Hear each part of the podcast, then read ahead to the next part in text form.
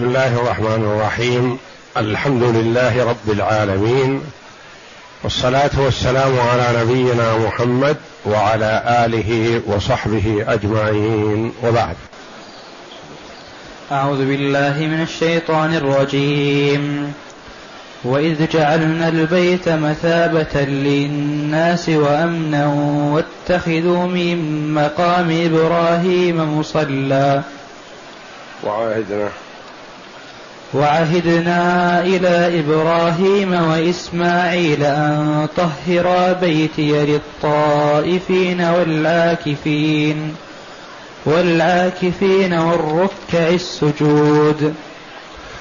هذه الآية الكريمة من سورة البقرة جاءت بعد قوله جل وعلا وإذ ابتلى إبراهيم ربه بكلمات فأتمهن. قال إني جاعلك للناس إماما. قال ومن ذريتي. قال لا ينال عهد الظالمين. وإذ جعلنا البيت مثابة للناس وأمنا. الآية. واذ جعلنا البيت المراد بالبيت الكعبة. فإذا قيل البيت فالمراد به الكعبة فليعبدوا رب هذا البيت.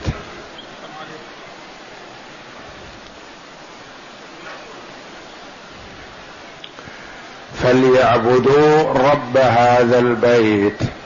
فالبيت علم على الكعبة بالغلبة. يعني غلب عليه هذا العلمية لا ينصرف إلى غيره. البيوت كثيرة لكن إذا قيل البيت فالمراد به الكعبة شرفها الله بيت الله. وإذ جعلنا البيت مثابة للناس وأمنا مثابة. مثابه أي تثوب إليه أي ترجع إليه أي تهفو إليه ولا تشبع منه. فالإنسان يقيم في البيت ما شاء الله ثم ينصرف عنه. ثم بعد انصرافه مباشرة تجده يحن إليه. يعني ما يشبع منه. وإن تردد عليه فهو لا يشبع منه. وهذه خاصية لهذا البيت العظيم. وإذ جعلنا البيت مثابة للناس وأمنا وقيل مثابة بمعنى يكثر ثوابهم عند الله عندهم عنده عند البيت. يعني تكثر إثابة الله جل وعلا لمن عند البيت. مثابة يعني ثواب.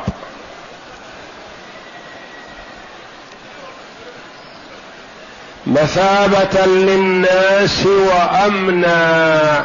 جعله الله جل وعلا أمنا لمن آوى إليه. فهو معظم في الجاهلية وزاده الإسلام تعظيما. الوحش لا تؤذى. الشوك لا يعضد النبات لا يقطع. الطير لا تنفر. كانوا في الجاهلية يلقى الرجل قاتل أبيه وأخيه فلا يتعرض له. ولا يزعجه. تعظيما للبيت. وكما سمعنا في قراءة إمامنا في الركعة الثانية لإيلاف قريش إيلافهم رحلة الشتاء والصيف فليعبدوا رب هذا البيت. الذي أطعمهم من جوع وآمنهم من خوف. الناس يتخطفون من حولهم. وما يسير المرء في أرض قوم إلا ومعه خفارة منهم. وإلا أخذ وأكل. وأهل مكة آمنون فيها بفضل الله.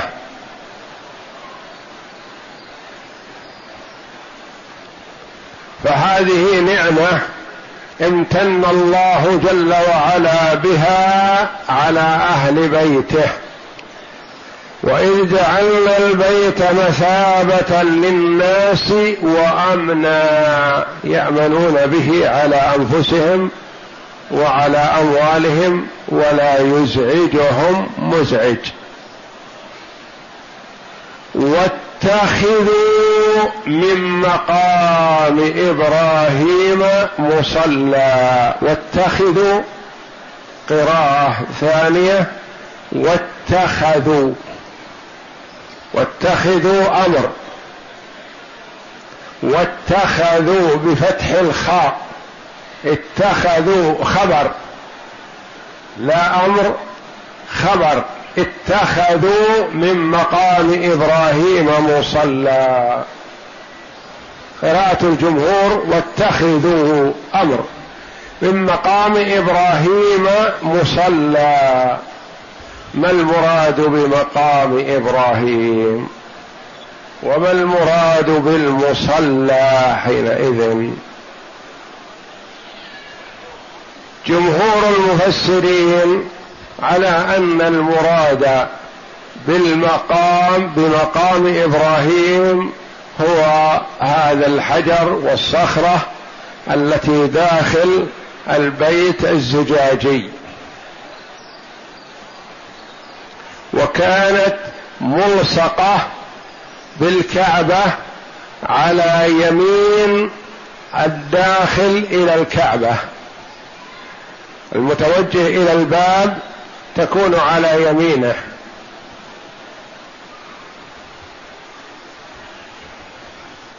وهذا المقام كان إبراهيم عليه السلام يبني وإسماعيل يناوله الحجارة. فلما ارتفع البنيان قال إبراهيم لإسماعيل عليهما السلام التمس لي حجرا أصعد عليه فأحضر له هذا الحجر. فكان يبني عليه. وجاء في بعض الآثار أنه كان يمشي معه. يمشي معه يعني بدأه من حيث بدأ ثم يمشي معه حتى كمل البناء ثم يدور معه هكذا.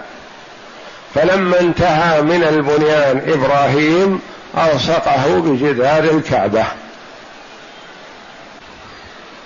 هذا المقام عند جمهور المفسرين أن المراد الصلاة حوله. ويزيد هذا تأكيدا والله أعلم ما جاء عن عمر رضي الله عنه أنه قال وافقت ربي في ثلاث أو وافقني ربي بثلاث قلت لو اتخذت من مقام إبراهيم مصلى فأنزل الله جل وعلا واتخذوا من مقام إبراهيم مصلى. وقلت يا رسول الله يدخل عليك البر والفاجر. لو أمرت نساءك أن يحتجبن. فأنزل الله جل وعلا آية الحجاب. وجاء في الثالثة أنها في أسرى بدر وجاء فيها غير ذلك فعمر رضي الله عنه موفق. يقول القول للنبي صلى الله عليه وسلم فيأتي القرآن بتصديقه رضي الله عنه.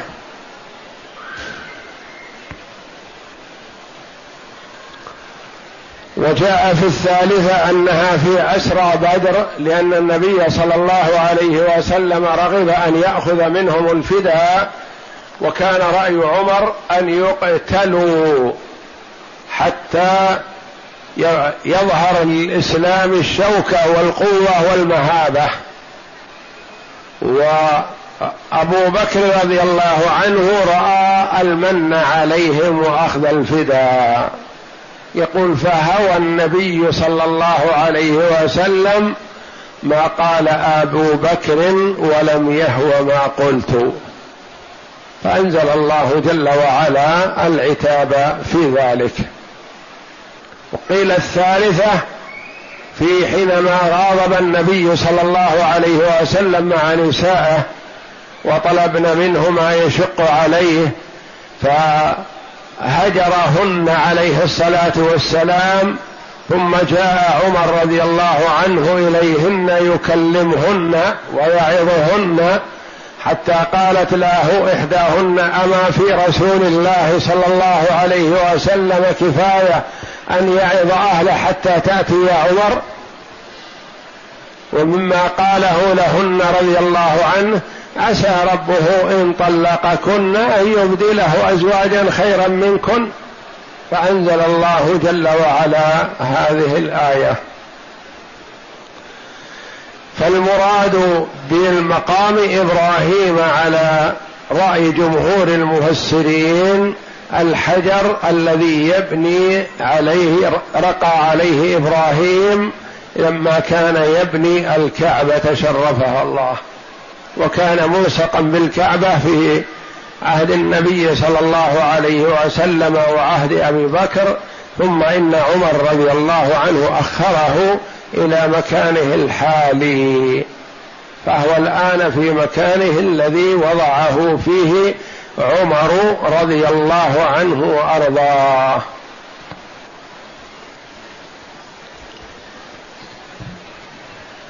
القول الثاني أن المراد بمقام إبراهيم الحرم كله.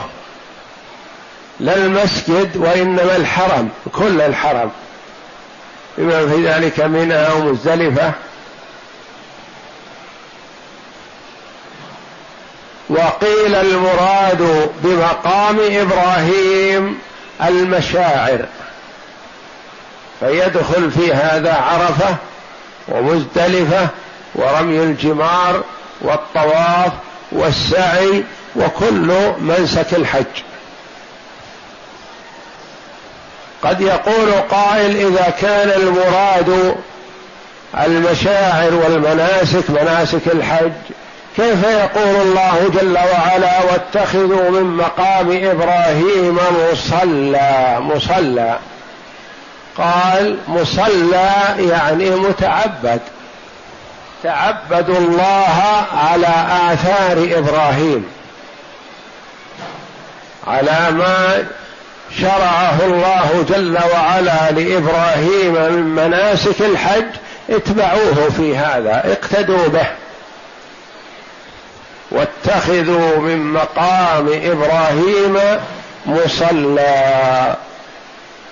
اقرأ. عن ابن عباس رضي الله عنه قال وإذ جعلنا البيت مثابة للناس قال يثوبون إليه ثم يرجعون. وحدث عبدة بن أبي لبابة قال لا ينصرف عنه منصرف وهو يرى أنه قد قضى قد قضى منه وطرا. يعني ما يشبع منه. يعني يقيم فيه ما يقيم أيام ليالي أشهر سنين إذا انصرف منه يرى أنه في شوق إليه. ما كأنه قضى وطره ما طيب خاطره بالتلذذ بالبقاء فيه كأنه الآن أتاه وانصرف ما طاب خاطره. وإذا رجع إلى أهله تجده يثوب ويحرص على أن يرجع إلى البيت. نعم. قال الشاعر جعل البيت مثابة لهم ليس منه الدهر ينقضون الوطر. يعني ما يقضي وطره المرء يعني ما يطيب خاطره وما يقول انتهيت منه. ما يقول انتهيت. نعم. وقال سعيد بن جبير في الرواية الأخرى وعكرمة وقتادة مثابة للناس أي مجمعا. وأمنا مجمعا للناس يعني يجتمعون فيه. نعم. وأمنا أي أمنا للناس. وقد كانوا في أمنا يعني يأمنون فيه على أنفسهم. نعم. وقد كانوا في الجاهلية يتخطف الناس من حولهم وهم آمنون لا يسبون. ومضمون هذه الآية ما أحد يفزعهم. كانوا في الجاهلية يعظمون البيت فما يخيفون أهل البيت. وحتى لو انتقلوا إذا جاءهم قال هذا من سكان الحرم ما يتعرضون له. ولو نهبوا ما معه ثم علموا أنه من سكان الحرم أعادوا إليه ما أخذوا منه. نعم. ومضمون هذه الآية أن الله تعالى يذكر شرف البيت وما جعله موصوفا به شرعا وقدرا من كونه مثابة للناس أي جعله محلا تشتاق إليه الأرواح وتحن إليه ولا تقضي ولا تقضي منه وطرا ولو ترددت إليه كل عام.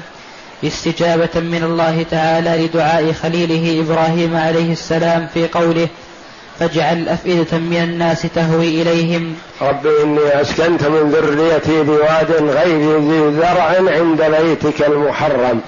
إلى أن قال فاجعل أفئدة من الناس تهوي إليهم. تأتيهم نعم. إلى أن قال ربنا وتقبل دعاء. ويصفه تعالى بأنه جعله أم أمنا من دخله من دخله أمن. ولو كان قد فعل ما فعل ثم دخله ثم دخله كان آمنا.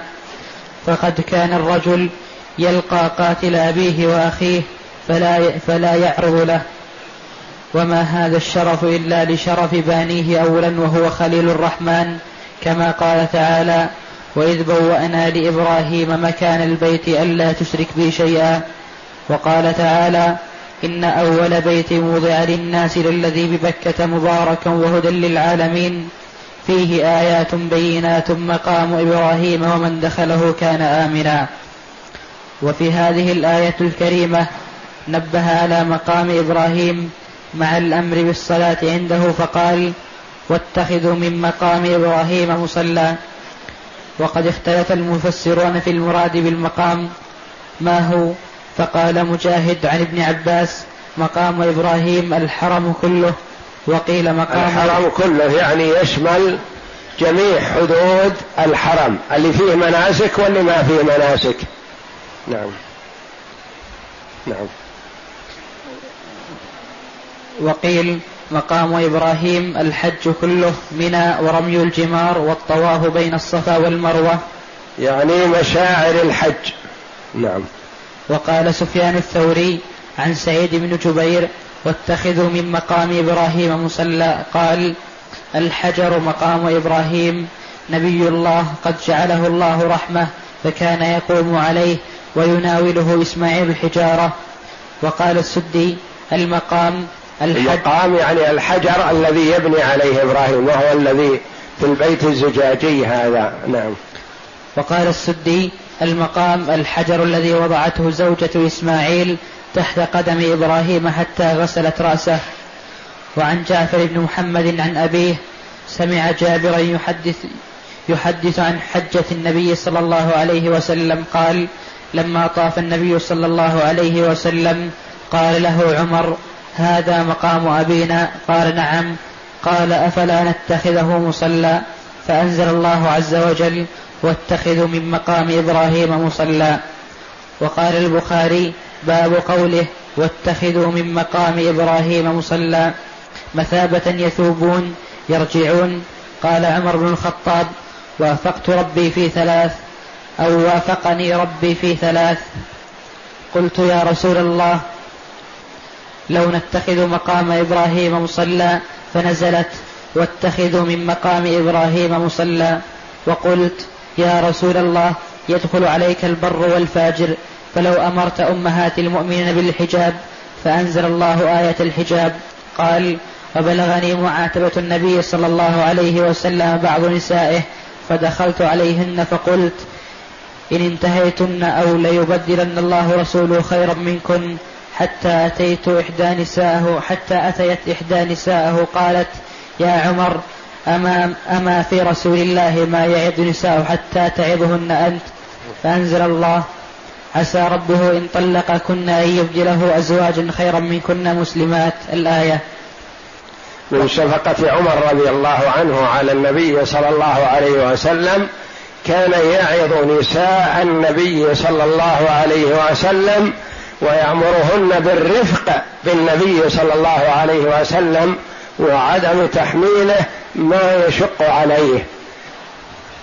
وخوفهن في هذا. قال عسى ربه إن طلقكن أن يبدله أزواجا خيرا منكن. فأنزلها الله جل وعلا قرآنا يتلى. نعم. وقال أنس قال عمر رضي الله عنه وافقت ربي عز وجل في ثلاث قلت يا رسول الله لو اتخذت من مقام إبراهيم مصلى فنزلت واتخذوا من مقام إبراهيم مصلى. وقلت يا رسول الله إن نساءك يدخل عليهن البر والفاجر فلو أمرتهن أن يحتجبن فنزلت آية الحجاب. واجتمع على رسول الله صلى الله عليه وسلم نساءه في الغيرة. فقلت لهن عسى ربه إن طلقكن أن يبدله أزواجا خيرا منكن فنزلت كذلك. ورواه الإمام مسلم بن حجاج في صحيحه بسند آخر ولفظه ولفظ, ولفظ آخر. عن نافع عن ابن عمر عن عمر قال وافقت ربي في ثلاث في الحجاب وفي أسارى بدر وفي مقام مقام إبراهيم. أسارى بدر يعني كان رأي عمر رضي الله عنه أن يقتلوا حتى يظهر للإسلام القوة والشوكة والمهابة والخوف الأعداء يخافون. فقال مكن يا رسول الله كل واحد منا من قريبه الكافر لنقتله. كل واحد أعطوه منا قريبه الكافر فيقتله. ليدل هذا على أن كل واحد منا لا تأخذه في الله لومة لائم ولا تؤثر عن القرابة ولا البنوه ولا الابوه وإنما الأخوة أخوة الدين أخوة بالاسلام وروى ابن جرير عن جابر أن رسول الله صلى الله عليه وسلم رمل ثلاثة أشواط وماشى أربعة حتى إذا رمل ثلاثة أشواط يعني الرمل الإسراع مع مقاربة الخطى. ثلاثة أشواط من من الطواف ومشى أربعة أشواط. مشي بدون رمل. نعم. حتى إذا فرغ عمد إلى مقام إبراهيم فصلى خلفه ركعتين ثم قرأ واتخذوا من مقام إبراهيم مصلى. يتأول القرآن عليه الصلاة والسلام يعني يطبق ما جاءه في القرآن. وقال ابن جرير عن جابر قال استلم رسول الله صلى الله عليه وسلم الركن فرمل ثلاثة. مراد بالركن الحجر الأسود الركن الذي فيه الحجر الأسود. نعم. فرمل ثلاثة. ومشى أربعة ثم نفذ, ثم نفذ إلى مقام إبراهيم فقرأ واتخذوا من مقام إبراهيم مصلى. فجعل المقام بينه وبين البيت فصلى ركعتين. وهذا قطعة من الحديث الطويل الذي رواه مسلم في صحيحه. فهذا كله مما يدل على أن المراد بالمقام إنما هو الحجر الذي كان إبراهيم عليه السلام يقوم عليه لبناء الكعبة. لما ارتفع الجدار أتاه إسماعيل عليه السلام به ليقوم فوقه ويناوله الحجارة فيضعها بيده لرفع الجدار. وكلما كمل ناحية انتقل إلى الناحية الأخرى يطوف حول الكعبة وهو واقف عليه كلما فرغ من جدار نقله إلى الناحية التي تليها. وهكذا حتى تم جدران الكعبة كما سيأتي بيانه في قصة إبراهيم وإسماعيل وكانت آثار قدميه ظاهرة فيه ولم يزل هذا معروفا تعرفه العرب في جاهليتها ولهذا قال أبو طالب في قصيدته المعروفة اللامية وموطئ إبراهيم في الصخر رتبة على قدميه حافيا غير ناعري حيث ظهر أثر قدم إبراهيم عليه السلام على الحجر ولم يكن إبراهيم منتعل فأثر ظهر أثر القدمين على الحجر. وقد كان هذا المقام ملصقا بجدار الكعبة قديما ومكانه معروف اليوم إلى جانب الباب مما يلي الحجر مما يلي الحجر هنا. مما يلي الحجر يمنة الداخل من الباب في البقعة المستقلة هناك. وكان الخليل عليه السلام لما فرغ من بناء البيت وضعه إلى جدار الكعبة أو أنه انتهى عنده البناء فتركه هناك. ولهذا والله أعلم أمر بالصلاة هناك هناك عند الفراغ من الطواف. وناسب أن يكون عند مقام إبراهيم حيث انتهى بناء الكعبة فيه. وإنما أخره عن جدار الكعبة أمير المؤمنين عمر بن الخطاب رضي الله عنه أحد أحد الأئمة المهديين والخلفاء الراشدين الذين أمرنا باتباعهم وهو أحد. عليكم بسنتي وسنة الخلفاء الراشدين من بعدي. نعم. وهو أحد الرجلين الذين قال فيهما رسول الله صلى الله عليه وسلم اقتدوا بالذين من بعدي أبي بكر وعمر وهو الذي نزل القرآن بوفاقه في الصلاة عنده ولهذا لم ينكر ذلك أحد من الصحابة رضي الله عنهم أجمعين. وعن عائشة رضي الله عنها أن المقام كان زمان زمان رسول الله صلى الله عليه وسلم وزمان أبي بكر رضي الله عنه ملتصقا بالبيت ثم أخره عمر بن الخطاب رضي الله عنه.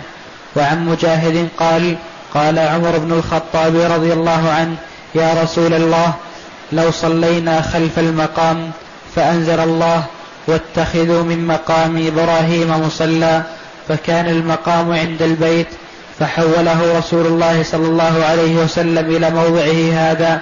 فهذه الرواية أن الذي حول المقام والحجر هو الرسول عليه الصلاة والسلام لكن الروايات الأولى أصح وآكد والله أعلم أن الذي حوله هو عمر. نعم. وهو مخالف لما تقدم أن أول من أخر المقام إلى موضعه الآن عمر بن الخطاب رضي الله عنه وهذا أصح من طريق ابن مردويه مع اعتضاد هذا بما تقدم والله أعلم. وعهدنا إلى إبراهيم وإسماعيل أن طهرا بيتي للطائفين والعاكفين والركع السجود.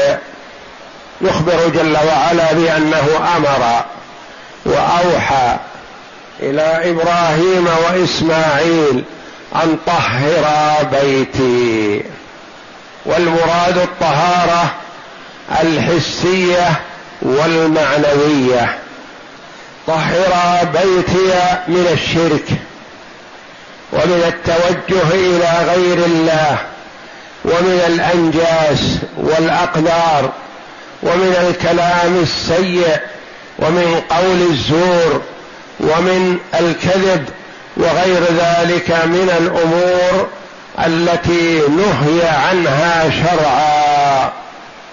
وطهر بيتي اعملا على تطهيره عن كل ما يدنسه حسيا أو معنويا. فأمر بأن يخلص فيه العبادة لله وأن يأمر بإخلاص العبادة لله ويطهر البيت من الأصنام. النبي صلى الله عليه وسلم لما فتح الله جل وعلا له مكة سنة ثمان من الهجرة دخل البيت أي الكعبة وإذا فيها ثلاثمائة وستون صنما كلها تعبد من دون الله. فأشار إليها صلى الله عليه وسلم بالصوت الذي معه و وتلا قل جاء الحق وزهق الباطل إن الباطل كان زهوقا فتساقطت. فأمر بها صلى الله عليه وسلم فأخرجت من البيت. وكانت أصنام كثيرة تعبد من دون الله وتعبد مع الله تعالى الله. وأمر الله جل وعلا لإبراهيم وإسماعيل أمر لكل نبي بعدهما ولكل من ولاه الله جل وعلا ولاية البيت. وعهدنا إلى إبراهيم وإسماعيل أن طهرا بيتي. أمرهم الله جل وعلا بتطهير البيت. لمن؟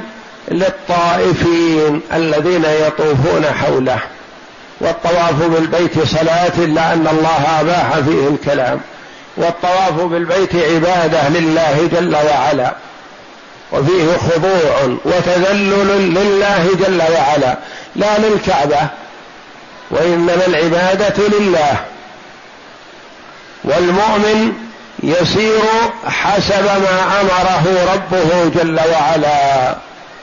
أن طهر بيتا للطائفين والعاكفين. العاكفون قيل هم المقيمون. المقيمون والطائفون الذين يطوفون ويرحلون.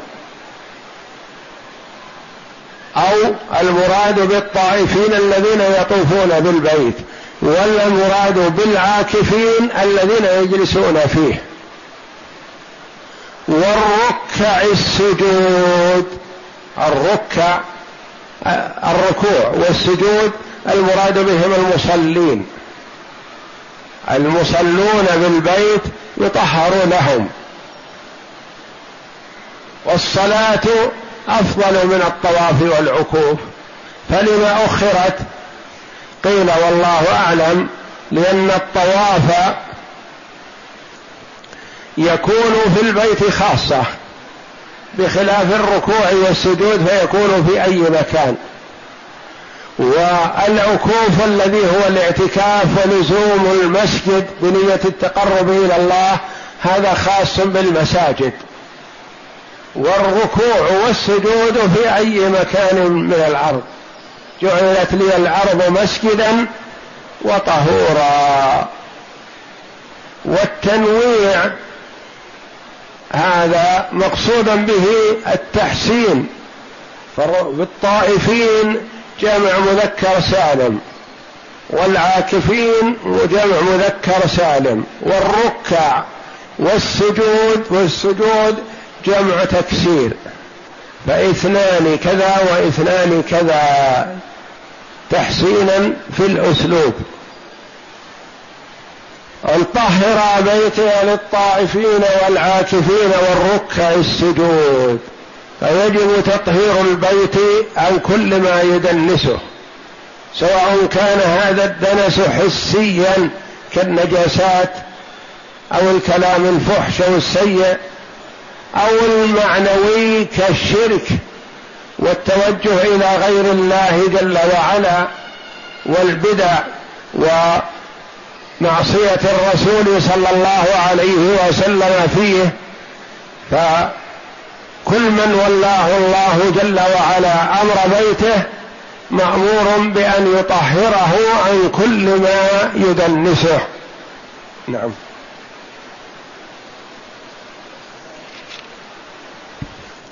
قال الحسن البصري قوله تعالى وعهدنا إلى إبراهيم وإسماعيل امرهما الله أن يطهراه من الاذى والنجس ولا يصيبه من ذلك شيء وقال ابن جريج قلت لعطاء ما عهده؟ قال أمره والظاهر ما عهده يعني عهدنا قال أمره أنه أمر إبراهيم وإسماعيل. نعم. والظاهر أن هذا الحرف إنما عدي بإلى لأنه في لأنه في معنى أوحينا قوله وأن طهر بيتي للطائفين والعاكفين أي من الأوثان والرفث وقول الزور والرجس. قال مجاهد وعطاء وقتادة أن طهر بيتي أي أي بلا إله إلا الله من الشرك. وأما قوله تعالى للطائفين فالطواف بالبيت معروف وعن سعيد بن جبير أنه قال للطائفين يعني من أتاه من غربة والعاكفين المقيمين فيه وهكذا روي عن قتادة والربيع بن أنس أنهما فسرا العاكفين بأهله المقيمين فيه. وعن ابن عباس قال إذا كان جالسا فهو من العاكفين. وعن ثابت قال قلنا لعبد الله بن عبيد بن عمير ما أراني إلا مكلم الأمير. أن أمنع الذين ينامون في المسجد الحرام فإنهم يجنبون ويحدثون. قال لا تفعل فإن ابن عمر سئل عنهم فقال هم العاكفون. قلت وقد ثبت في الصحيح أن ابن عمر رضي الله عنه كان ينام في مسجد الرسول صلى الله عليه وسلم وهو عزب. وأما قوله تعالى والركع السجود فقال عطاء عن ابن عباس إذا كان مصليا فهو من الركع السجود. وقال ابن جرير رحمه الله فمعنى الآية وأمرنا إبراهيم وإسماعيل بتطهير بيته الطائفين والتطهير الذي أمرهما به في البيت هو تطهيره من الأصنام وعبادة الأوثان فيه ومن الشرك. فإن قيل فهل كان قبل بناء إبراهيم عند البيت عند البيت شيء والإضافة في قوله تعالى أن طهر بيتي. فالأرض كلها ملك لله جل وعلا. ما في الأرض وما في السماء وما دون العرض من العرش فما دون كله ملك لله جل وعلا.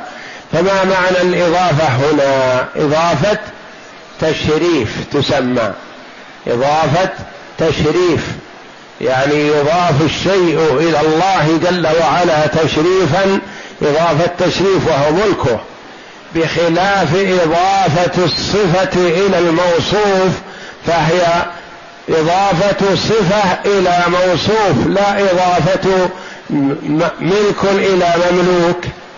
مثلا عفو الله ورحمة الله وسمع الله وبصر الله. هذه إضافة صفة إلى موصوف. بيت الله وناقة الله إضافة تشريف. ملك إلى مالك وهو الله جل وعلا والإضافة للتشريف. نعم. فإن قيل فهل كان قبل بناء إبراهيم عند البيت شيء من ذلك الذي أمر بتطهيره منه؟ فالجواب من وجهين. أحدهما أنه أمرهما بتطهيره مما كان يعبد عنده زمان. زمان قوم نوح من الأصنام والأوثان ليكون ذلك لأن البيت شرفه الله كان محجوجا قبل إبراهيم. حجه آدم وحجته الأنبياء قبل إبراهيم عليهم الصلاة والسلام. وأما البناء فقد اختلف فيه. هل بني قبل إبراهيم أو لم يبنى قيل بنته الملائكة وقيل بناه آدم وقيل بناه شيث ابن آدم وقيل أول من بناه إبراهيم وإنما كان محجوجا بلا بناء. وما معنى الأمر بالتطهير وهل كان فيه أصنام تعبد؟ قيل نعم.